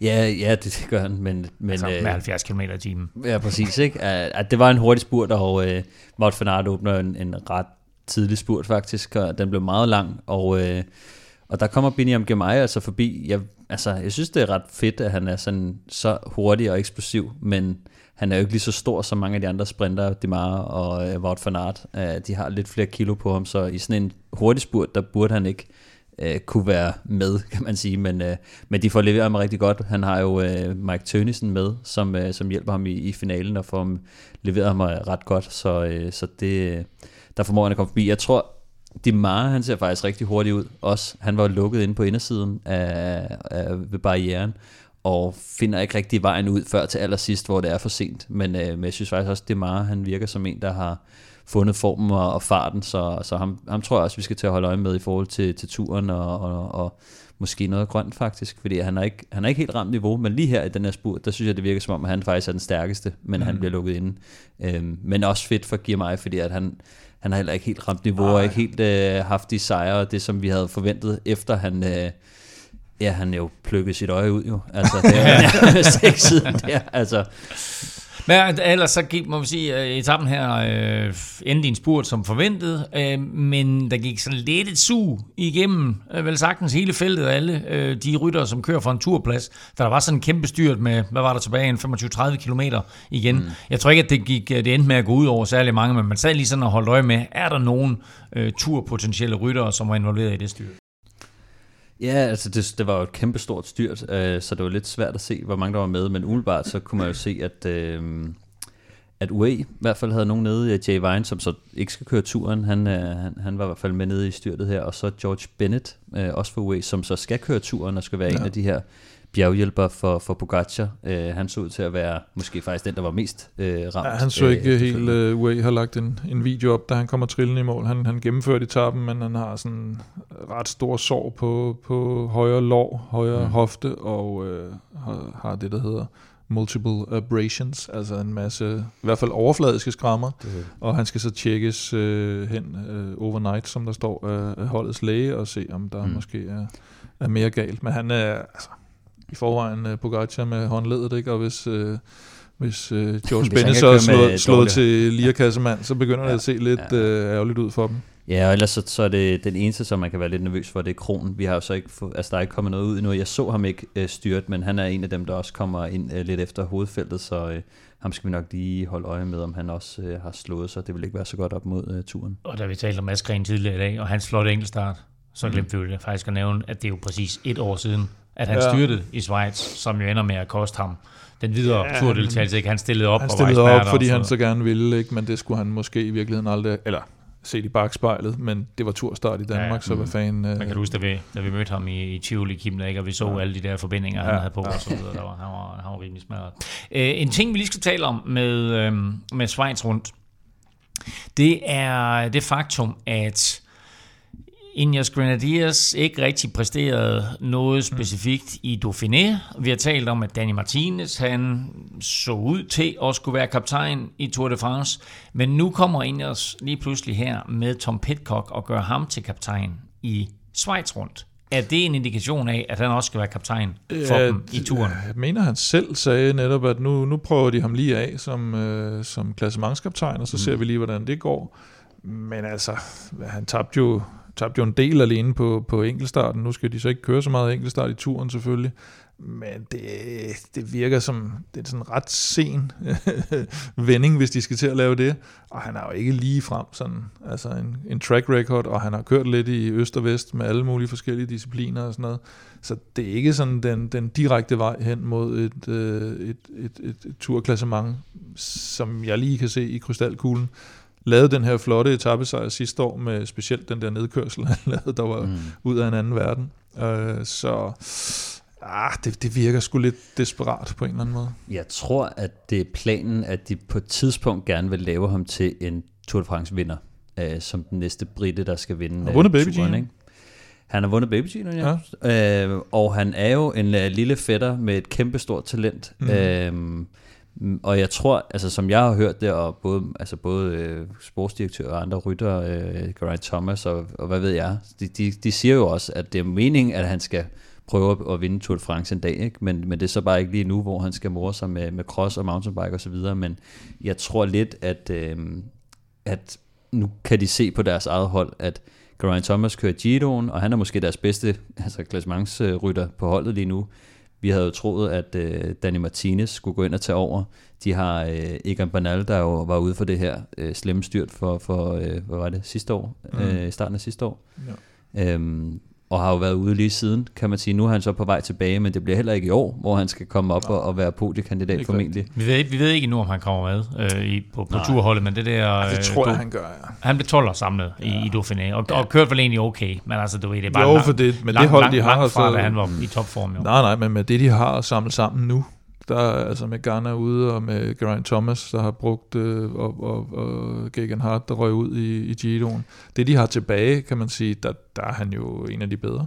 Altså, det, det må mm. man bare kende. Det er, men, det er ikke, det er, men det er ikke særlig godt. Det er et Ingers-mandskab langt fra Fordums ja, styrke. Det, det, det, det vil jeg også sige. Altså, det, de har jo, altså, jeg ved ikke, fra 12 til hvad, til 2018 eller sådan noget, der har de jo 11 podieplaceringer. Altså, ja, de, og, øh, øh, de skulle have vundet den. De vinder, han ikke, vinder, han, vinder han ikke i 19, ikke en banal. Så, jo, han vinder i 19, ja. ja. ja. ja det, det er sådan noget. De har jo, øh, fra, jeg tror det er fra 12 til 19, så har de 11 podieplaceringer, ikke? Mm. Øh, og, har jo, og har vundet, ja, ja. præcis, i, i, i turen, og har vundet, og også blevet nummer 1 og 2, eller nummer mm. øh, 1 og 3. Altså, de, de har været så dominerende i turen frem til 2019, og siden da er det bare gået, altså man kan så også sige, at Pogacar, Roglic, øh, Jonas Vingegaard er kommet siden da, og er blevet rigtig, rigtig gode, men Ineos, som er stadig det hold med det største budget, det er Ineos. De er altså ude i... Det var bedre, da det hed Sky.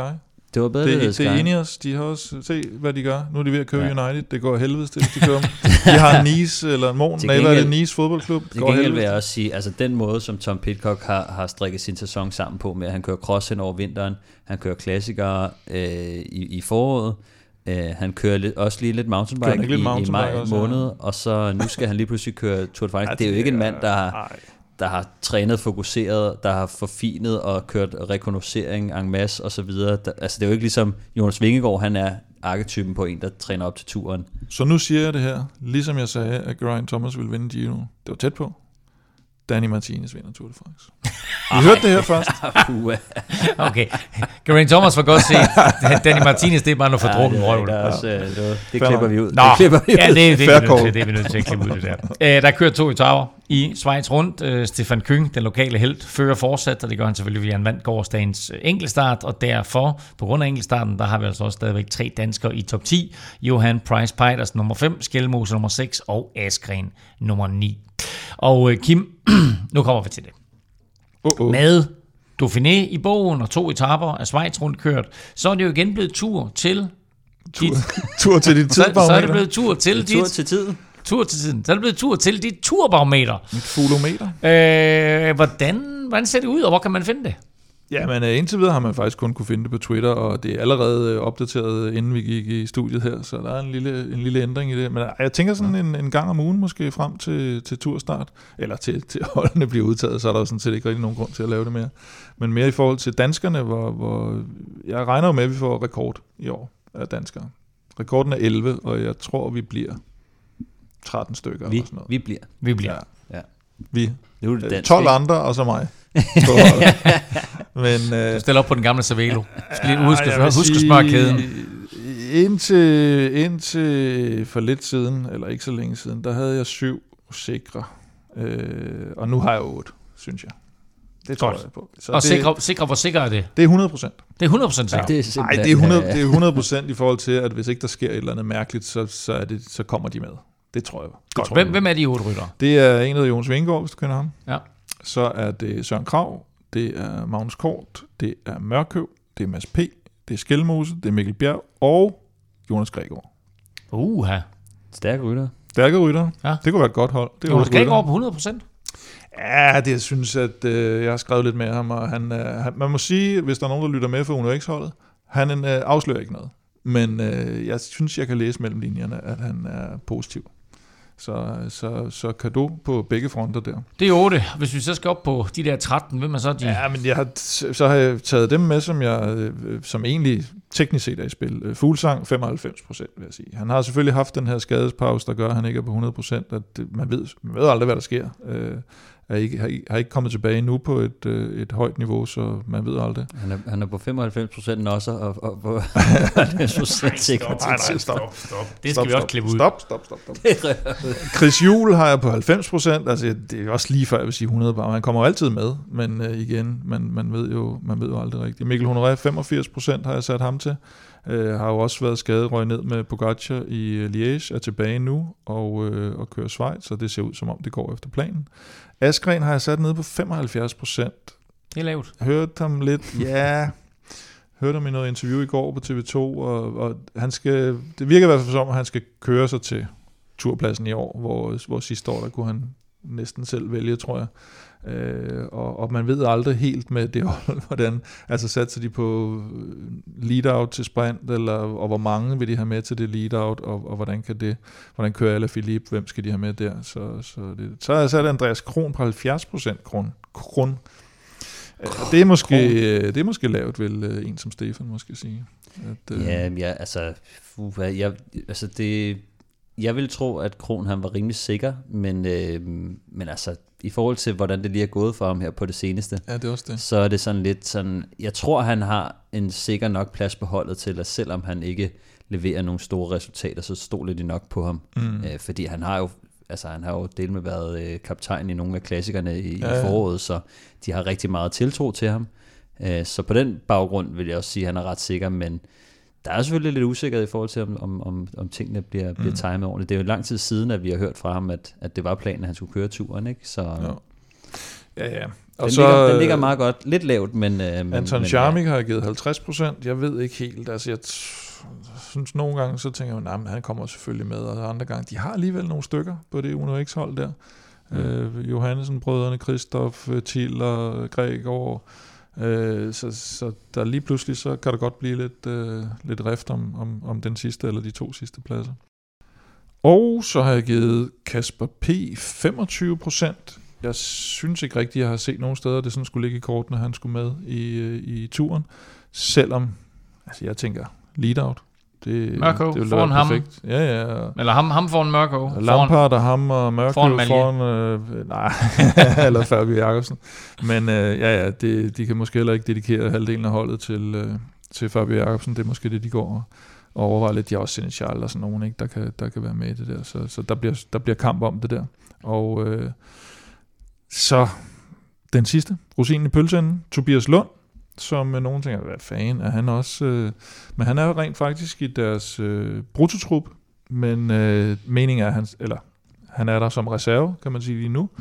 Det var Vilko Keltermann også hos øh, Jumbo, mm. Så øh, alt kan ske her inden for, for de sidste par uger. Så, men sandsynligheden øh, er ikke stor, og det er ikke meningen, han skal med. Men han er altså reserve på DSM-holdet. Det her, det var altså første udgave af Kims turbarometer.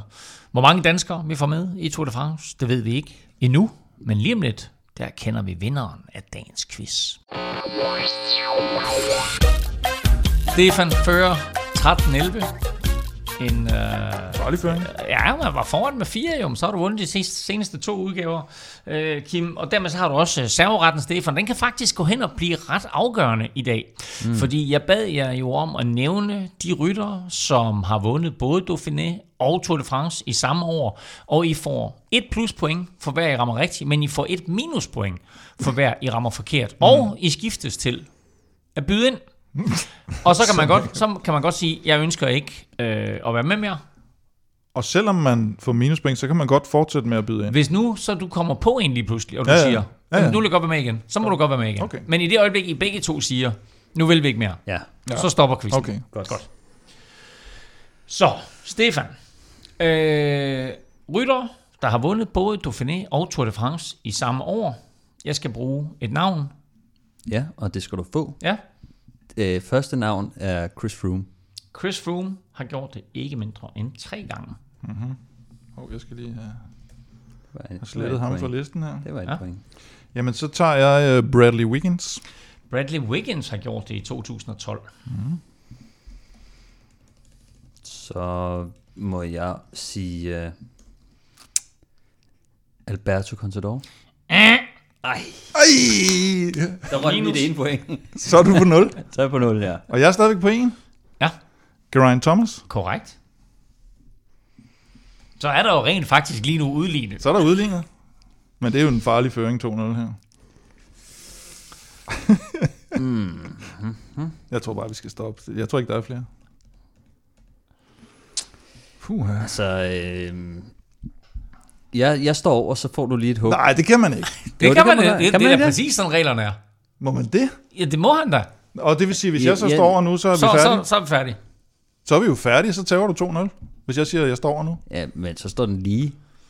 Ja, ja, alt- det vil du alt, ja. gerne. Jeg har, jeg, jeg, hvis du satser, så satser jeg også. Altså, jeg, så går jeg ned swinging, men jeg skal lige se, om, om jeg kan ikke tåle, at du, at du kommer foran. Ah, men for helvede. Han må have vundet.